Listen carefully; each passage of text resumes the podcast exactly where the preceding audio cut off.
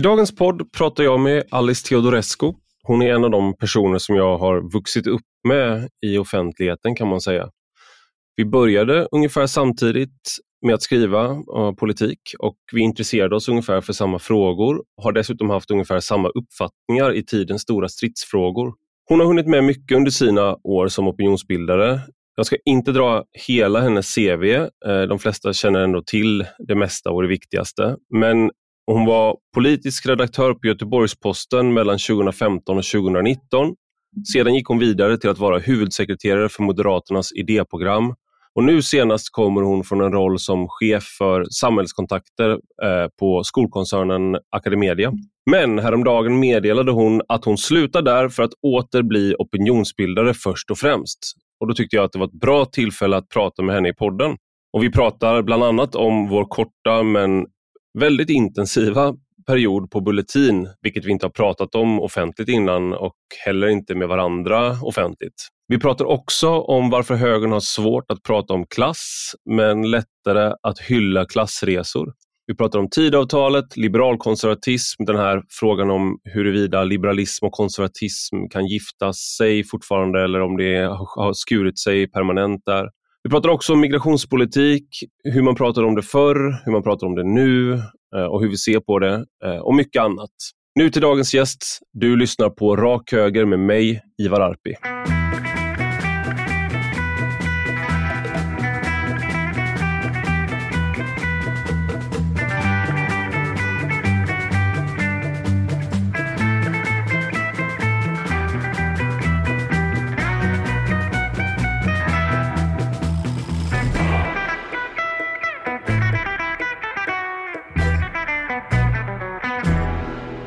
Välkommen Alice Teodorescu till Rak Höger. Tack snälla.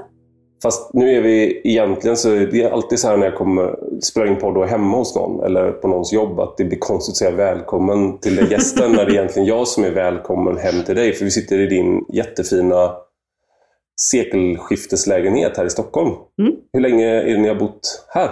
Vi har bott här sedan 2000... Vad blir det nu? 2020 var det? 2020? Ja, nej, 2021. 2021. 2021. 2021. Mm. Så ganska, ganska nytt är det fortfarande. Just det, vi ska komma tillbaka till det här med lägenheten där, för att det har att göra med en gemensam erfarenhet på Bulletin. Men jag tänkte bara, jag försökte komma på så när vi lärde känna varandra, för det var, jag kommer inte ihåg när vi jobbade ihop på eh, Svenska Dagbladets ledarsida, då vikarierade vi båda två. Mm. Det var sommaren 2014. 2014. Mm. Valåret. Just det, supervalåret. Mm, mm. När, eh, det var väl väldigt så här, inopportunt egentligen att ha de positioner vi hade då. Vi hade varit med i en dokumentärserie innan. Just det. Som hette De obekväma. Exakt så. Just det. Och då tror inte jag att vi kände varandra. Jag tror inte vi hade träffats då. Nej, vi kanske inte hade det. Bara stött på varandra ja. i, liksom, på nätet. Precis, sådär. precis. Och jag kommer ihåg, i mitt program så hade jag Håkan Boström som nu är ledarskribent på GP. Mm -hmm. uh, han var min liberala motpart i mm -hmm. samtal. Så han var emot alla mina positioner. Vi var vänner men liksom skulle gå runt och diskutera och han tyckte att uh, ja, han var socialliberal och jobbade på DN då och nu är han inte det. Och, uh, sådär. Nu är han ny-GP-liberal. Exakt. Eller konservativ kanske. Jag vet inte vad han ja. säger nu att han är. Det tror jag inte han skulle säga. Vad säger du? Är vi fortfarande obekväma eller var vi ens obekväma då? Vi var obekväma då, eh, men vi fick rätt. Eh, och vi kommer fortsätta att eh, komma, kommas ihåg som obekväma, även nu när vi inte längre är det. Mm. Jag tror att vi alltid kommer att bli presenterade som kontroversiella eller mm. som Ja, men det, det, det, finns en, eftersom vi så att säga slog igenom i en tid där våra uppfattningar visserligen var dominanta bland gemene man, men inte i, i det mediala samtalet, mm. så blev ju det liksom den, den roll som vi fick spela. Jag minns liksom hur man kastades när man stod i Aktuellt eller i, i olika debattprogram eh, som någon slags högerspöke. Mm. Jag tror att våra Apokalypsens fyra ryttare exakt, kallades vi också. Exakt, exakt. Det var du, jag, P. Nilsson och eh, Anna Dahlberg. Va? Just det, precis, precis. Nej men så att våra positioner är ju inte längre kontroversiella. De är ju på många sätt eh, ganska allmängiltiga idag också i det liksom, politiska samtalet. Men, men vi var ju någon slags pionjärer. Eh, och det var ju också i en tid när medialogiken såg annorlunda ut. Jag, jag fick ju mitt första jobb som eh, vikarierande polisdirektör på Gotlands Allehanda eh, sommaren 2010.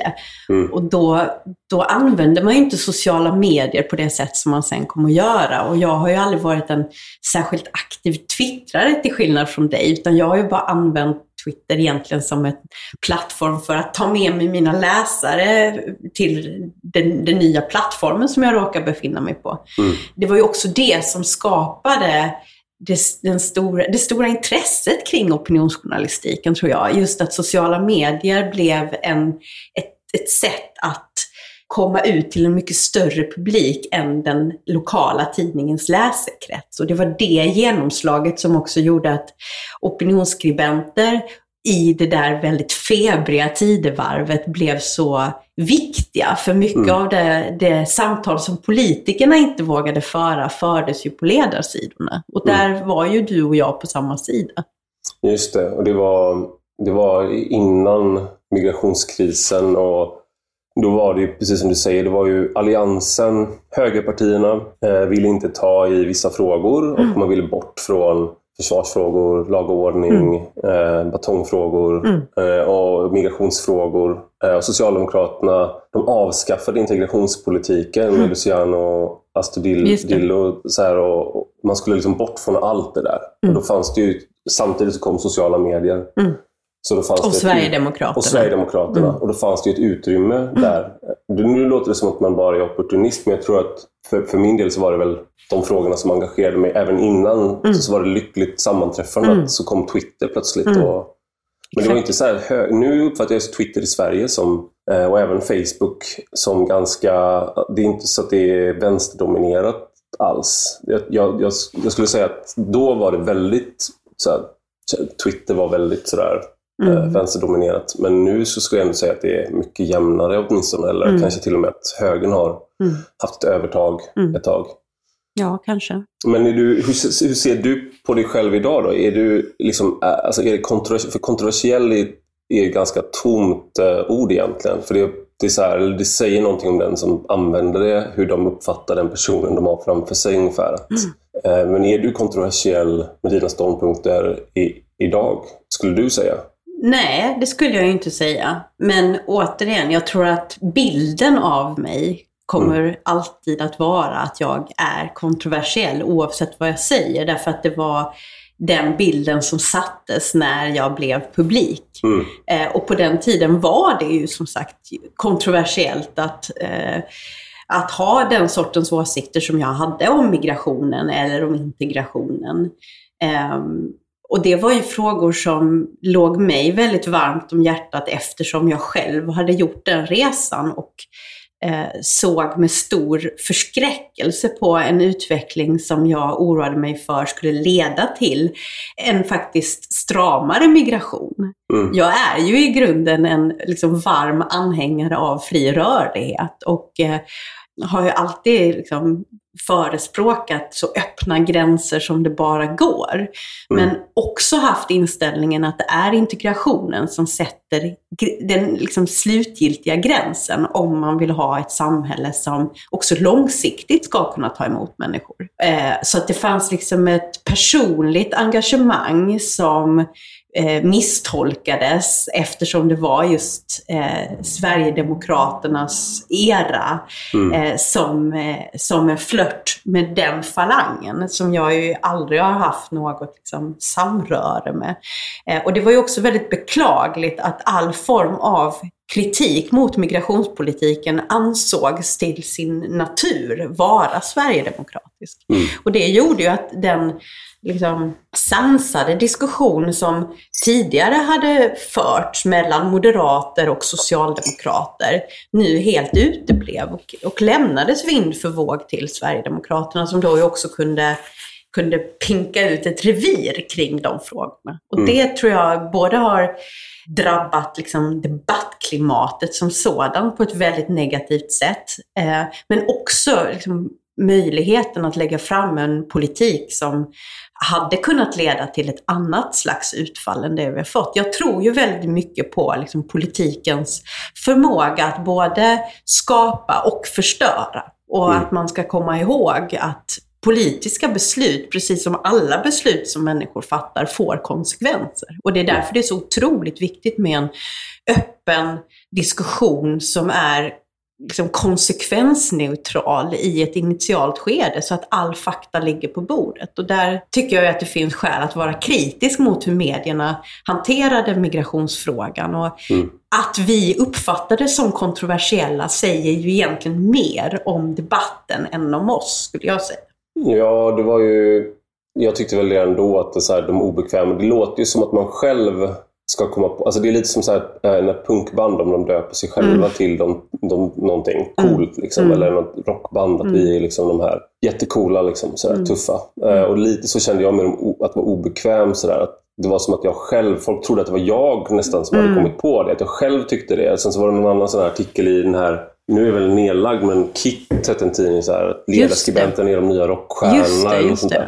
Ja, och, då får, och, då hade de lagt på sådana här... Liksom, just det, eh, Kiss. Ja, precis. Som de hade gjort i, liksom, i Photoshop. Så mm. Och det blir också så att man tror det själv. Folk tror att man har den självbilden. Men jag, om man kollade hela tiden på opinionsundersökningar och liknande så låg man ju ganska eh, så var man ju mainst, så var man ganska mainstream. Exakt, det var ju liksom jag, så då är vi var ju, den breda mitten ja, innan den uppfanns. Ja, precis. Vi var den breda mitten men, men, men, i det mediala klimatet som var då så var man väldigt så var man i, i utkanten på något sätt. Och nu, nu har det ju ändrats men eh, för en sak som var väldigt slående då det var ju att eh, vänstern raljerade över att högern pratade om att det var vikten av god ton.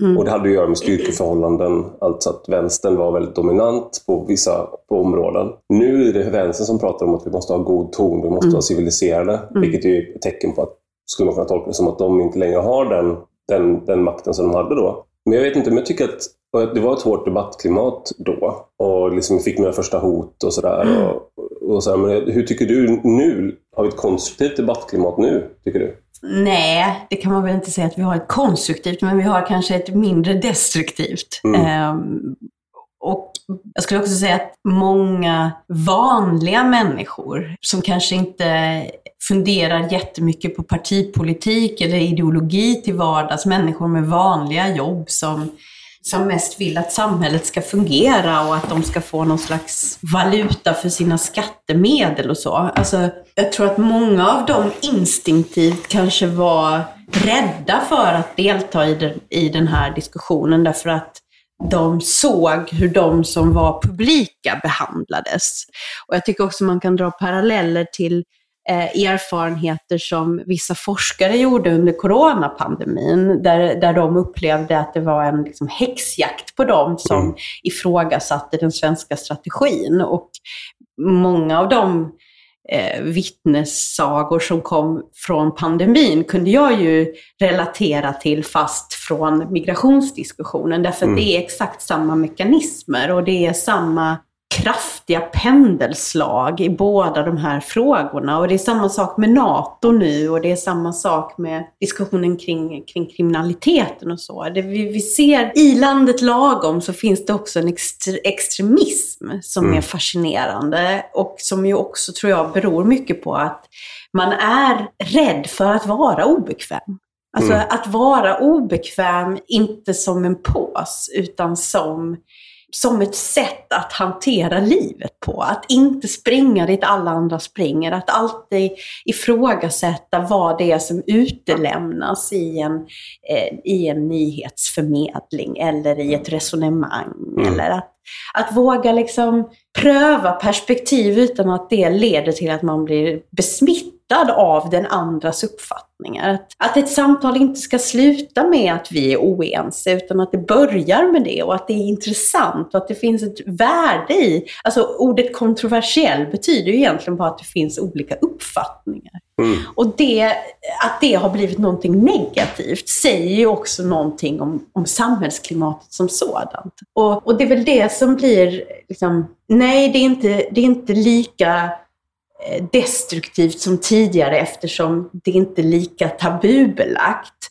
Men det finns ju fortfarande en moralisk kappa över de här frågorna som gör att eh, jag tror att många är försiktiga med att säga vad de egentligen tycker eftersom det fortfarande finns en föreställning om att den som är för fri eller så öppen migration som möjligt är mer humanistisk, godare, en mer tolerant person. Och det är ju värden som vi sätter väldigt stor vikt vid i vårt samhälle idag. Mm. Så att, att du är logisk, att du funderar kring konsekvenser, att du vill ha hållbarhet i systemet, det premieras ju inte. Mm. Eh, då är du liksom krass och cynisk. Och det, det är väl också den rollen som jag känner att jag har fått ikläda många gånger i olika debattsammanhang. Jag har rollsats som den kalla, hårda, logiska mot mm. någon som är varm, som känner. Och det är klart mm. att jag som kom som barn till flyktingar och som var frånskild från min pappa under flera år. Mm. Jag kan ju som som medmänniska känna att det är för jävligt att inte familjeåterknytningen görs snabbare eller att, att vi uppställer krav som kanske leder till att människor inte kan ta hit sin familj så snabbt som möjligt. Ur ett barnperspektiv så kan jag ju då relatera till det och tycka att det är förskräckligt. Men jag kan också, och jag tycker också att det är min plikt, att se det ur ett större perspektiv. Vad leder bristen på vissa lagar och regler eller bestämmelser eller liksom långsiktighet till eh, för slags samhälle? Så att jag som privatperson känner någonting, men jag tycker att för att liksom, debatten ska hålla någon slags intellektuell höjd så måste vi som befolkar den också våga vara mycket mer principiella. Mm. Och det är inte alltid som principer och känslor går hand i hand. Eh, så att det blir en ganska asymmetrisk situation där den ena pratar om sina känslor och den andra pratar om något slags logiskt principresonemang. Och där, där tycker jag just att eh, de som bjuder in till de här samtalen borde vara mer medvetna om den dynamiken. Och det här är det finns ju en sån här eh, nästan eh, kristen eh, tudelning där mellan att man har, liksom, vi, har, vi kanske strävar mot eh, så Guds stad, men vi lever i den världsliga staden. Mm. Liksom, att vi, vi, vi, vi har två, två nivåer hela tiden. Mm. Så att du, vi, det, är på den yttersta dagen så får vi se var mm. vi hamnar. Precis. Men du, du, du kanske inte kan, det finns väl en konflikt där mellan de man, ska, man kan försöka upprätta himmelriket på jorden eller om det kanske är så att jorden har vissa regler mm. och himlen har sina regler. Mm. Eller sina, så här, och att... Ja, och sen är det också skillnaden mellan liksom goda intentioner och goda utfall. Och det är mm. inte säkert att det man kortsiktigt gör som verkar gott leder till just en långsiktig godhet. Och vad är det då som ska premieras? Det. Är det att vi ville öppna våra gränser eh, och de människor som vi då har släppt in, vad får de för tillvaro? Ja, de mm. lever eh, i vissa fall liksom i områden där de inte vågar släppa ut sina barn. Mm. Ja, det kanske är bättre än att de lever i krig. Men å andra sidan så skapar ju det, den här utvecklingen ett samhälle som inte är liksom ett krig, men som innehåller inslag av den osäkerhet och otrygghet som människor också kan uppleva i ett mm. krig. Är det då gott att vi har öppnat våra gränser och fått liksom getton i Sverige? Mm. Jag tycker ju inte det. Nej, och, och det är, är den balansen här, som är viktig. Det är väl en, en sån här sak med, där jag inte heller tror att de som fattade de här besluten, till exempel under migrationskrisen, gjorde det av godhet. Utan av många saker som man kanske tillskriver ibland att det, de gjorde ändå det bästa under omständigheterna eller något sånt där. De, god, de hade goda avsikter. Mm. tror jag inte heller att det var så. Utan att många gånger att det handlar om politisk överlevnad. Det mm. handlar om rädsla. Eh, jag intervjuade Mikael Ribbenvik mm. eh, nyligen om just liksom, saker han uttalade sig om i de här utredningarna som Riksrevisionen och Gudrun Antemar gjorde en utredning också. Och just att det, han, liksom medie, de visste allting. Regeringen hade all information. De hade kontinuerlig kontakt. Liksom. Mm. Men de, de uppfattade vad som var politiskt opportunt och inte. Liksom. Och, och, det är det här som blir så intressant. Och då är det ju inte, opinion... då är det inte godhet egentligen det handlar om Nej. heller. Utan då är det ju egentligen en fråga om när saker och ting ändras så ändras också kalkylen för de som ska bli valda. Och ibland så går, följer de efter snarare än att de leder, uppfattar jag det som. Och då är det så här, jag skulle inte säga att Stefan Löfven var god när han höll gränserna öppna under 2015, när han inte fattade svåra beslut i tid. Och jag skulle inte säga att Fredrik Reinfeldt var god när han sa öppna era hjärtan, när han då mer än att allt, eh, eh, vad heter det, reformutrymme som det kallas eh, mm. när man har den här principerna om eh, överskottsmål och sånt där. Eh, allt det skulle ätas upp av migrationskostnader eh, de närmsta åren. Men det fanns ingen konsekvensanalys. Det fanns, ingen, liksom, okay, det fanns inga analyser om vad det skulle leda till eller något sånt där. Utan allting bara, man bara lät saker och ting ske. Och Det tror jag inte egentligen har att göra med godhet för de här människorna i alla fall. Det är de här de, som du pratar om, som du debatterat med. Där kan man kanske tala om att de har kanske den här som du pratar om, att det är sinnelagsetik kallar man väl det. Mm, när det, är mm. liksom, det, är, det känns det bra i stunden, du har en god avsikt i stunden. Mm. Liksom. Det är det mm. viktiga. Mm. Eh, inte vad det får för konsekvenser sen. Eh, de, då är det ju, där har du en konflikt. Men när det är de här politikerna, då är det, de, var krassa, de var lika krassa då som politikerna är nu, när de fattar strikta beslut, för att uppfatta dem att det är opportunt. Mm. Eller tycker du att, eh, hur tänker du om det jag säger nu? Nej, jag tror att det ligger mycket i det, men samtidigt så var det ju så att det fanns ingen så flyktingvänlig opinion ens då. Nej. Så att ur det perspektivet så var det lite udda mm. att, eh, att politiken valde eh, den vägen. På ett sätt kan man säga att det var väl jättebra att politiken då inte följde utan försökte skapa en opinion mm. för, för att man såg att det fanns ett behov, skulle man kunna argumentera för. Jag, jag tror att det ligger mycket i att, att, att man har svängt därför att man uppfattar att man var tvungen. Det som man tidigare upplevde att man inte kunde göra, det kan man uppenbarligen göra om, om, om man vill. Men det konstiga var just att det fanns ingen opinion för den politik som bedrevs från alla partier utom Sverigedemokraterna. Och jag är helt övertygad om att eh, hade Socialdemokraterna eller Moderat innan Sverigedemokraterna började växa tagit tag i de här frågorna. Jag kommer ihåg att jag approcherade Tobias Billström eh, någon gång 2010. För jag upplevde att jag i min mailkorg såg ett skifte i, i vilka som mejlade mig och hur de uttryckte sig. Mm. Och det var ju många moderater som hörde av sig. Och från att ha varit, om man ska vara lite elak, människor som kanske hade lite rättshaveristiska impulser, eh, som gärna skrev med stora bokstäver och många utropstecken.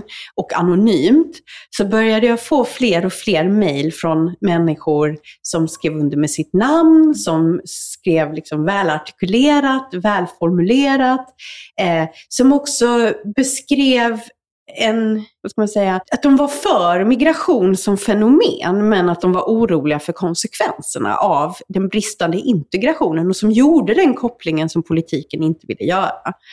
Så jag såg liksom ett skifte där i min mailkorg. Och jag minns att jag sa det till honom, jag träffade honom på något seminarium och sa bara så här, var uppmärksam på det här, för jag tror att det säger någonting. Det är liksom moderata väljare som lämnar nu. Och det var ju just vad som hände under 2010-2014 som ledde till att Moderaterna och Alliansen förlorade eh, och att Sverigedemokraterna blev så stora som de blev. Och mm. jag tror att det tyvärr mer än någonting annat, att det har förändrat maktbalansen, eh, har, har lett fram till de nödvändiga positionsförflyttningar som vi nu ser i Tidöavtalet, mm. mer än kanske en genuin förståelse för vad problemet egentligen var. Mm. Och det är ju egentligen det som är det mest intressanta. Alltså vad, är det, vad drar vi för lärdomar av migrationsfrågan? Därför att jag är helt övertygad om att det här och nu säkert säkert finns frågor som vi behandlar på samma sätt. Där man inte vågar prata om, om de riktiga problemen och där, där alla springer åt samma håll. Och där vi om tio år kommer se tillbaka och liksom se hur frön till de problem som vi får då eh, såddes. Eh, så att jag skulle vilja ha ett annat mindset i politiken där man är mycket mer vaksam på vad är det som är i vardande nu här. Mm. Eh, och den förmågan att både liksom leda landet, hålla ihop ett parti och att hela tiden idéutveckla och att förstå sin samtid och förstå det land som man har, är satt att styra. Det mm. kräver väldigt mycket och jag är inte alltid helt säker på att vi har politiker som har förmåga att balansera de här storheterna. För att lyssna på hela avsnittet kan du bli betalande prenumerant, vilket du kan bli på ivararpi.substack.com eller ivararpi.com. Båda adresserna fungerar. Och för 5 euro i månaden eller 50 euro om året så får du både allt gratis material men du får också ta del av diskussionstrådar som bara är för betalande prenumeranter. Du får tillgång till vissa podcastavsnitt som bara är för betalande prenumeranter och vissa texter som bara är för betalande prenumeranter. Och jag har ingen reklam, jag har ingen, tar inte emot några pengar från marknadsföring eller liknande, utan jag förlitar mig helt och hållet på er läsare och lyssnare. Så genom att bli betalande prenumerant så gör ni det möjligt för mig att fortsätta att vara en självständig röst.